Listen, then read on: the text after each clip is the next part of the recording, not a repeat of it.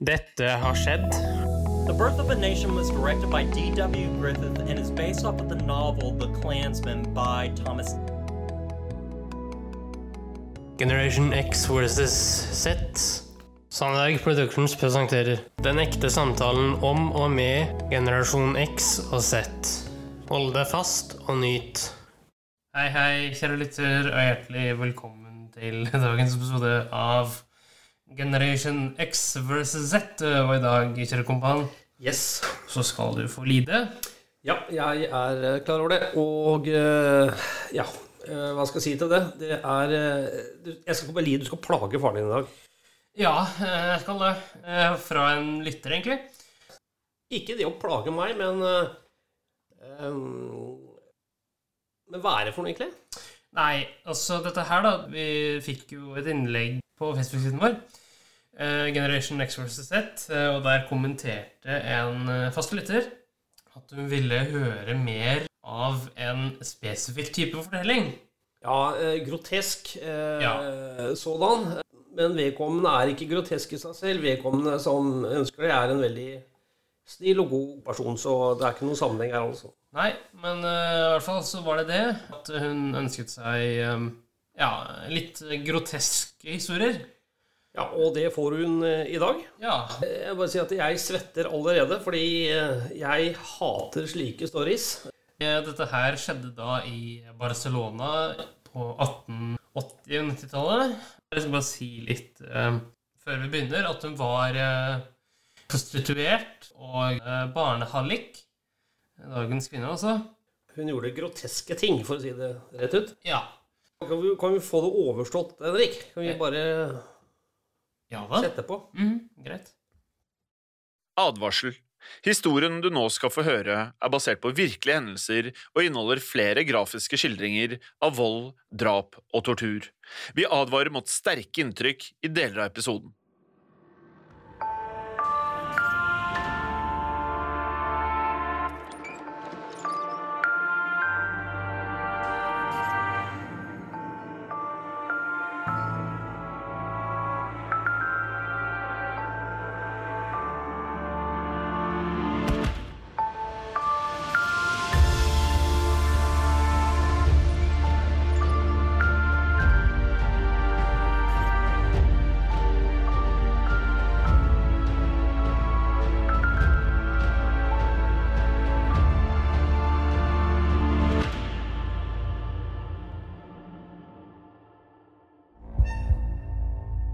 Enriqueta Marti ble født i byen Sant Felieu de Llobregat i Spania i februar 1868. Dette var det samme året som den spanske revolusjonen brøt ut. Etter store folkelige opptøyer i flere av Spanias største byer ble det klart at befolkningen ønsket endring, og det hele endte med at dronning Isabella den andre ble avsatt. Dette var det Spania som Enriqueta vokste opp i. Folket hadde gjennomført revolusjonen, men landet ble sendt inn i en ny økonomisk krise. Det er lite som er kjent om Enriquetas barndom. Ingen vet hvem foreldrene hennes var, eller om hun hadde noen søsken. De første sporene etter henne dukket opp da hun flyttet bort fra hjembyen til Barcelona som ung jente. Hun skal ha vært veldig vakker, men tilhørte likevel den laveste samfunnsklassen. Hun hadde vokst opp i fattigdom og måtte også leve i fattigdom i Barcelona. Her fikk hun seg jobb som tjenestepike og barnepike hos flere rike familier. Dette var et av få yrker for en jente som Enriqueta. Hun kom ikke fra noen rik familie, og hadde heller ikke giftet seg inn i rikdom. Dermed var det få andre respektable jobber å få. Men Enriqueta var flittig og gjorde det bra i jobben sin. Hun fikk mange gode kontakter og referanser som hun fikk bruk for videre. Mot slutten av 1800-tallet begynte man å se starten på en ny bransje i Europa, nemlig pornografi. Markedet for pornografiske fotografier eksploderte, og Barcelona sto for det meste som ble distribuert i Europa og Amerika. Det var fordi Barcelona var en av de største byene for prostitusjon i Spania. Mange kvinner ble nødt til å ty til prostitusjon for å i det hele tatt klare seg. Dette var spesielt i de fattige distriktene, slik som der Enriqueta bodde. Disse distriktene var offer for det meste av sykdommer som kom til byen. De aller færreste hadde råd til medisiner og måtte nøye seg med såkalte heksedoktorer. Disse var sjeldent til å stole på, men det var det eneste tilbudet folk hadde råd til. Folk bodde tett, i små hus, og arbeidsledigheten var høy. De få jobbene som fantes, var dårlig betalt og ofte farlige, i fabrikker og industri. Det var så vanskelig å komme seg ut av fattigdommen at de som ble født inn i fattigdom, som regel døde i fattigdom. Selv om tjenestepike var et respektabelt og trygt yrke, var det ikke spesielt godt betalt.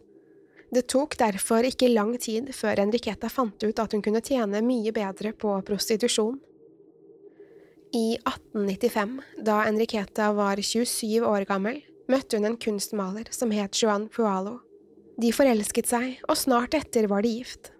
De gjorde det de kunne for å tjene til livets opphold. Joan solgte maleriene sine, og sammen forsøkte de å selge antikviteter. Men det nygifte paret tjente ikke nok, og ble nødt til å finne på noe annet. Det viste seg at Enriqueta var overraskende dyktig med planter og urter. Derfor åpnet hun en liten butikk der hun solgte salver og miksturer som hun lagde selv. Hun utga seg for å være medisinkvinne og ble svært populær i de fattige distriktene. Likevel var hun blitt vant til hvor godt betalt hun fikk som prostituert. Hun klarte ikke legge det helt på hyllen, noe som plaget Johan voldsomt. Til slutt klarte ikke Joan å godta det lenger. I tillegg mente han at hun var for uforutsigbar og løgnaktig. Da han ba Enriqueta velge mellom han og jobben, valgte hun å fortsette jobben. Dermed ble paret separert etter et kort ekteskap. Men dette stanset ikke Enriqueta. Hun fortsatte å jobbe, både i butikken og som prostituert. Hun ble så sikker på sine egne evner at hun påsto at hun kunne kurere sykdommer som tuberkulose med heksekunster, salver og miksturer. I 1909 hadde Enriqueta klart å spare opp nok penger til å åpne sitt eget bordell. Hun hentet inn de beste kollegaene sine fra sine tidligere arbeidsplasser, noe som gjorde bordellet hennes svært populært. Snart begynte det også å bli besøkt av noen av byens rikeste borgere, og flere av dem hadde helt spesifikke preferanser. Det var nemlig en tendens blant Enriquetas rikeste kunder at de ønsket seg barn i stedet for voksne prostituerte. Enriqueta hadde ikke noe imot å supplere så lenge kundene ville betale for det. Men hun sto overfor en stor utfordring. Hvor skulle hun få tak i barna?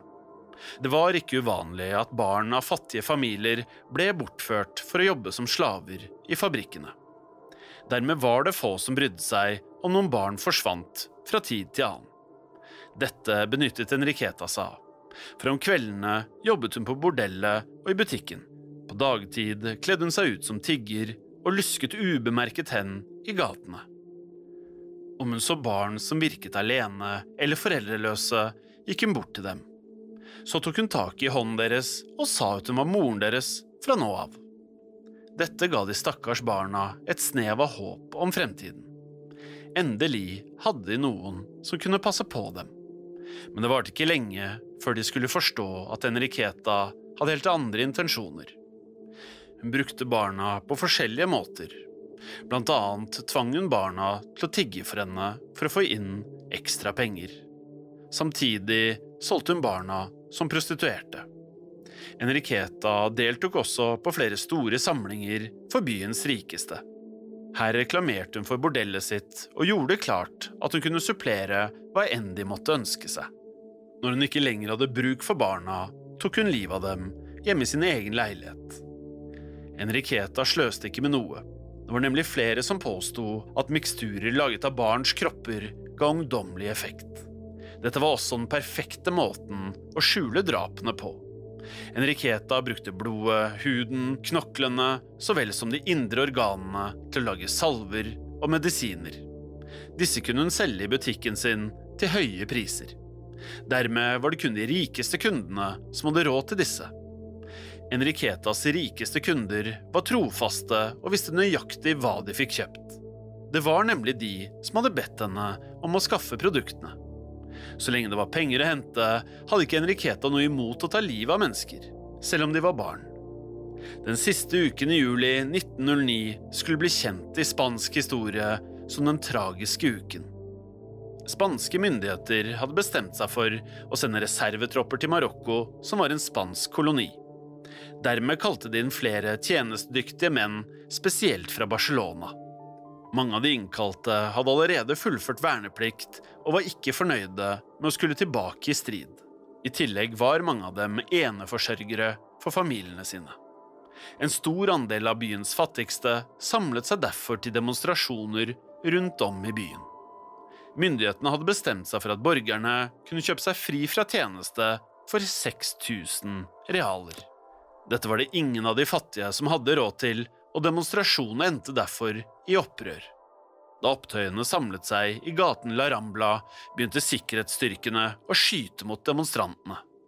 Nærmere 150 personer mistet livet, og misnøyen var stor. Under denne uken var politiet spesielt synlige i Barcelonas gater. Det var dermed flere som grep muligheten til å melde ifra om mistenkelige personer. En av de som ble mistenkt, var Enriqueta. Politiet hadde nå fått nyss i at hun drev et barnebordell. Da de tok seg inn i Enriquetas leilighet, arresterte de henne umiddelbart. Sammen med en ung, rik mann som hadde vært der med henne, ble hun ført til fengselet. Men på grunn av sin innflytelse blant byens elite ble det aldri noe rettssak mot Enriqueta. Det tok heller ikke mange dagene før Enriqueta var ute av fengselet igjen. De rike kundene hennes hadde sørget for å få henne løslatt.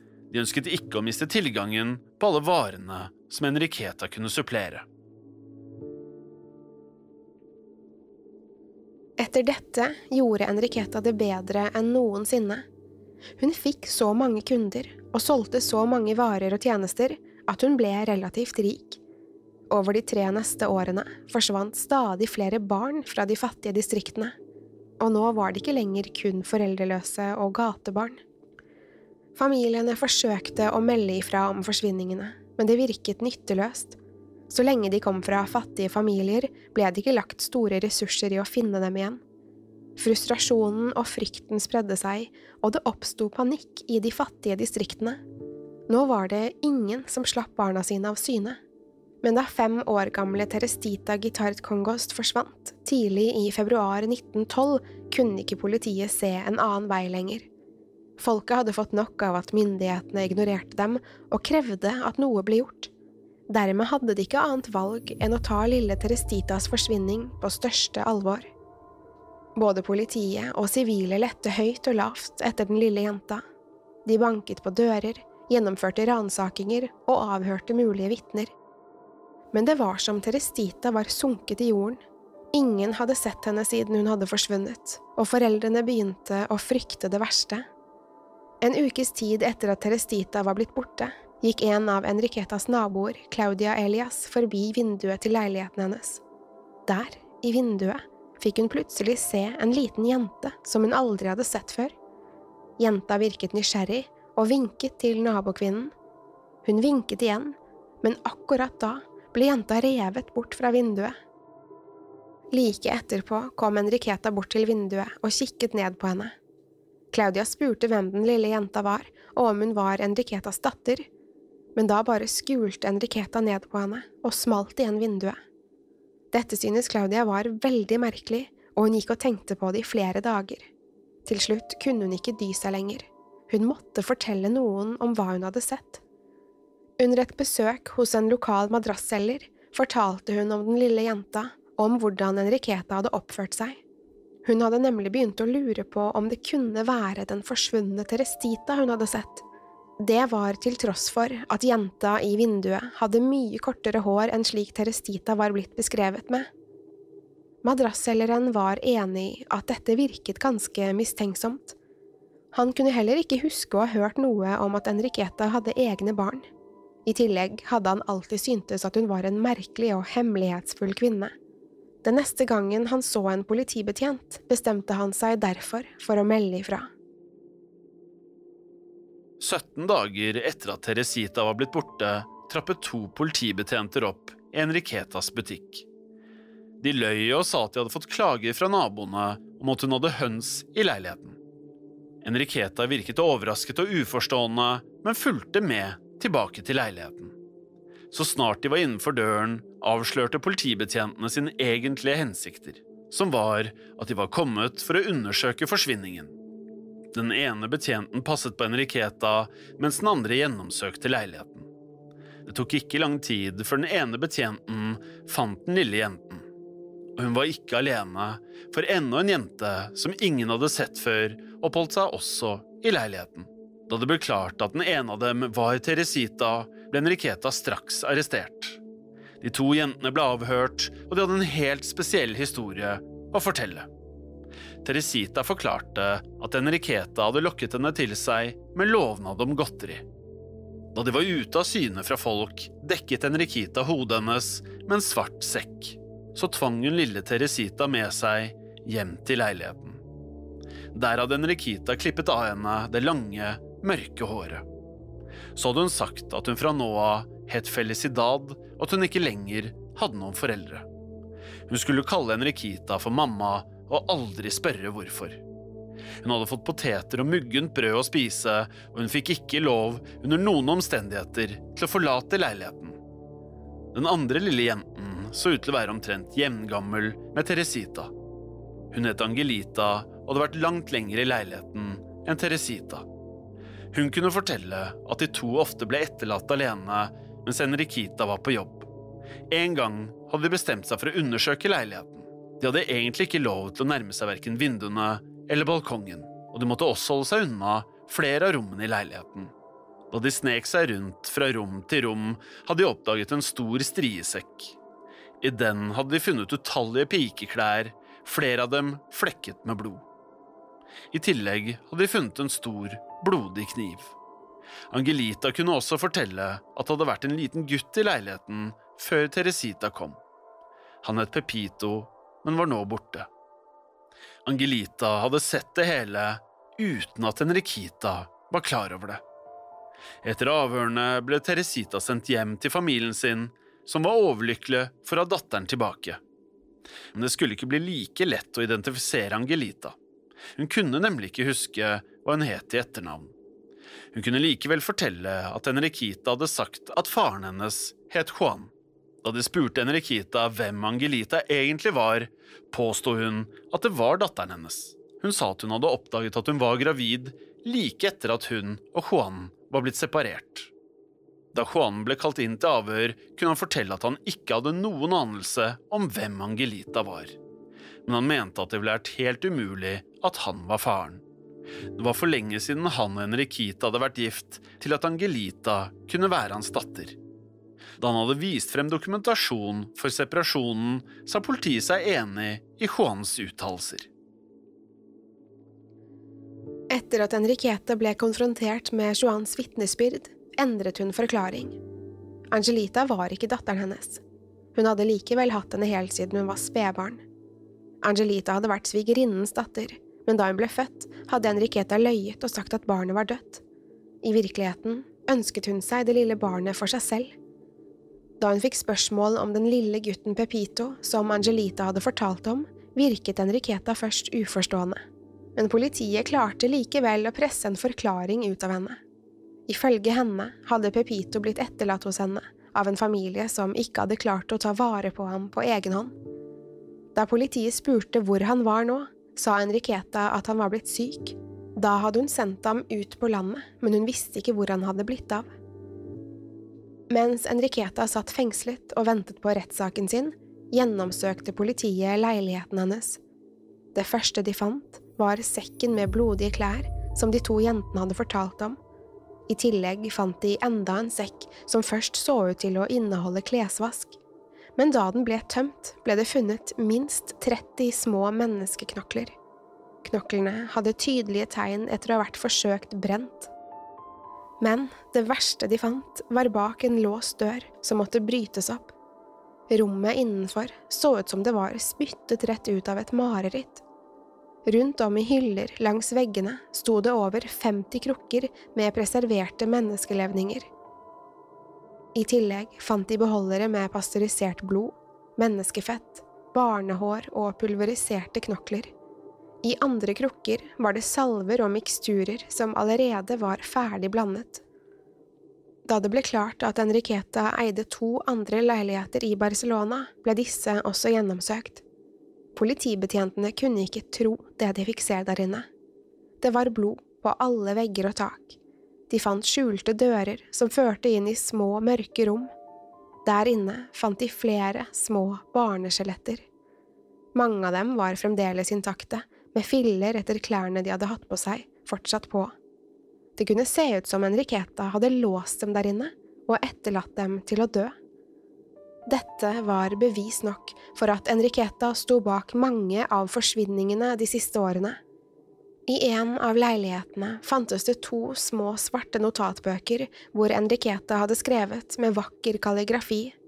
Den ene inneholdt en liste med ingredienser, med beskrivelse av utseende, lukt og medisinsk effekt. Dette gjorde at politiet kunne identifisere alle levningene i krukkene de hadde funnet.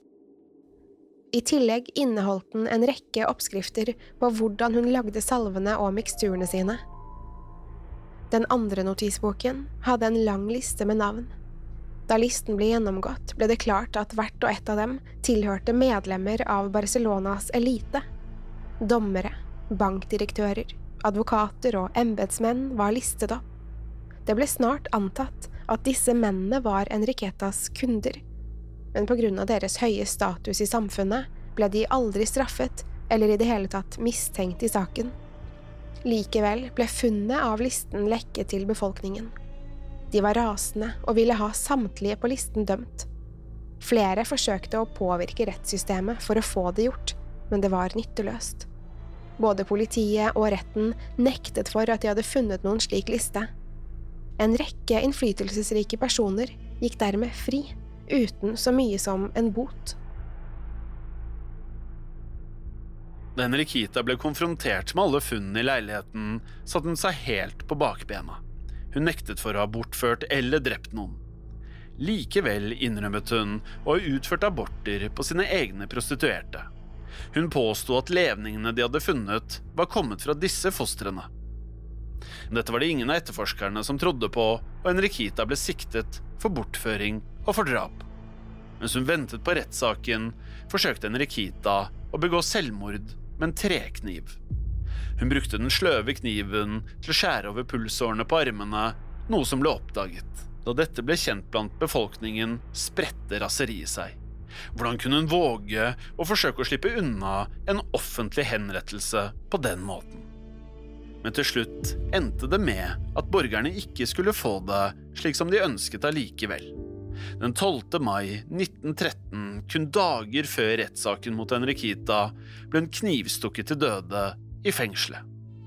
Det var en av de andre fangene som hadde sneket seg innpå henne og stukket henne i magen. Folk var illsinte. De mente det ikke var rettferdig, og at hun ikke fikk straffen hun fortjente. Dette fikk det til å versere rykter om hvorfor hun var blitt drept. Noen mente at det måtte ha vært noen i familien til et av de savnede barna som tok hevn. Andre påsto at Enriqueta hadde bedt om å bli tatt livet av etter det mislykkede selvmordsforsøket. Likevel var det én teori som trumfet alle andre. Det gikk nemlig rykter om at Henriketas rike kunder var redde for at hun skulle avsløre dem i retten. Dermed hadde de gått sammen om å betale andre innsatte for å ta livet av henne. Om Henriketa hadde anklaget dem, ville retten bli tvunget til å ta affære. Den dag i dag er det ingen som vet hvorfor Henriketa ble drept. Det eneste som er sikkert, er at hun døde i fengsel i mai 1913. Hun skal ha blitt gravlagt i hemmelighet i en umerket grav utenfor Barcelona. I ettertid skulle hun få et nytt navn på folkemunne – vampyren fra Barcelona. Enriqueta kom fra fattige kår, og da hun først fikk smaken på hvordan det var å ha penger, ble hun hektet. Ingenting skulle stå i veien for at hun skulle bli en av Barcelonas rikeste kvinner.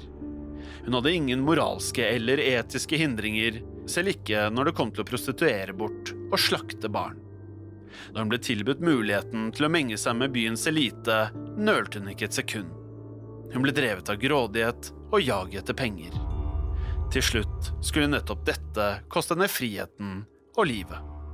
Det er uvisst hvor mange barn som ble offer for Henriketas griskhet.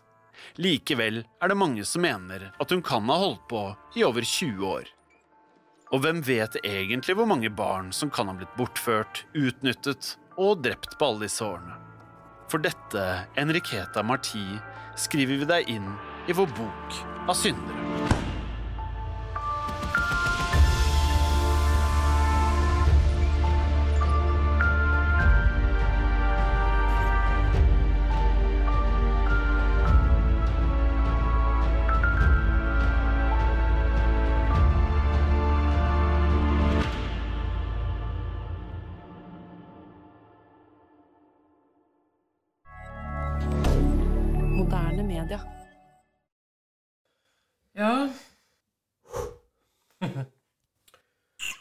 Tenker du nå, Henrik? Nå har du plaga faren din litt. eh, ja ganske mye òg, kanskje. Jeg har jo plaga deg gjennom hele januar. Eh, Nei da, det går greit, det. Eh, Jeg syns det er forferdelig med sånne eh, stories, da, selv om eh, jeg vet at det er, eh, det er sånn det har vært. Og så bare sånn er ondskap. Forhåpentligvis så er det veldig, veldig veldig få av dem. Forhåpentligvis så blir de stoppa.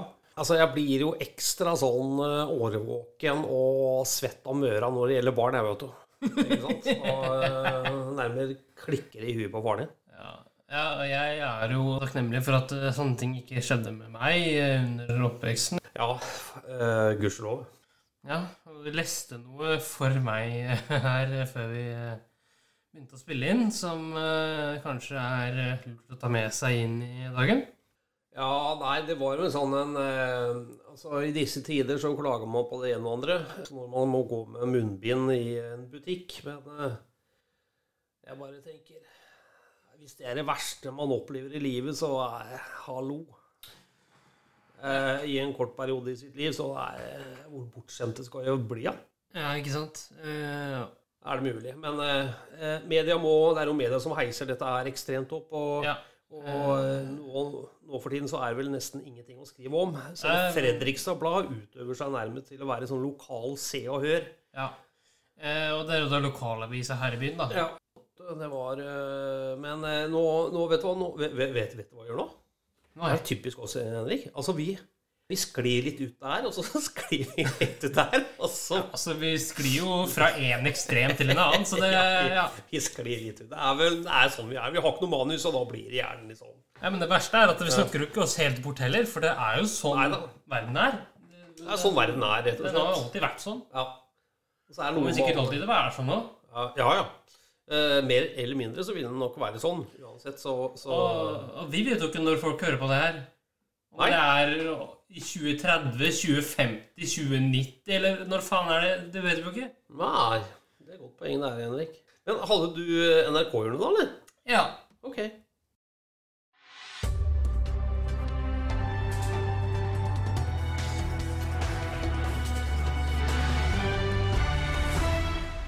NRK-hjørnet.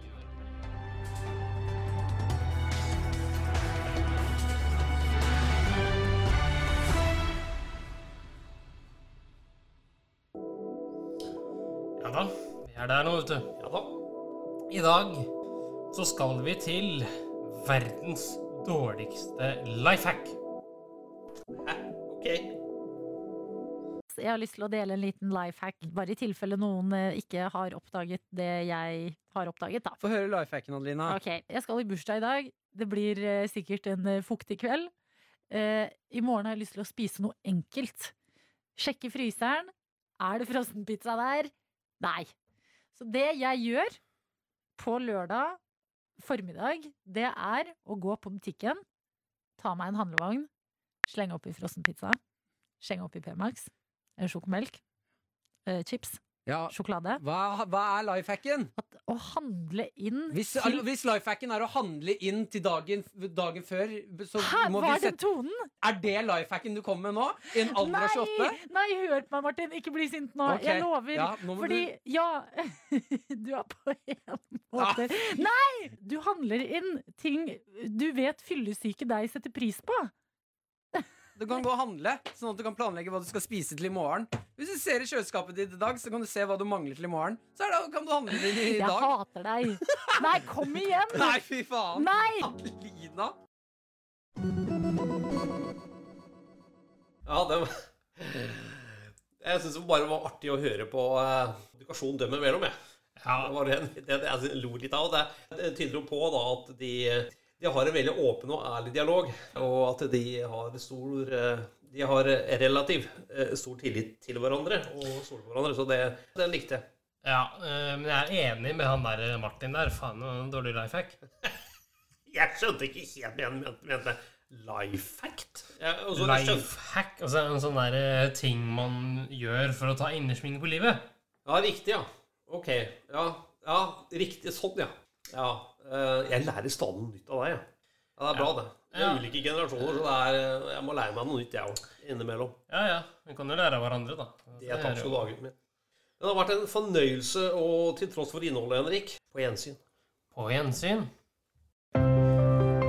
Tusen takk for at du fulgte oss. Eh, Gi gjerne tilbakemelding, likes eller kommentar på Facebook-siden vår Generation X versus Z.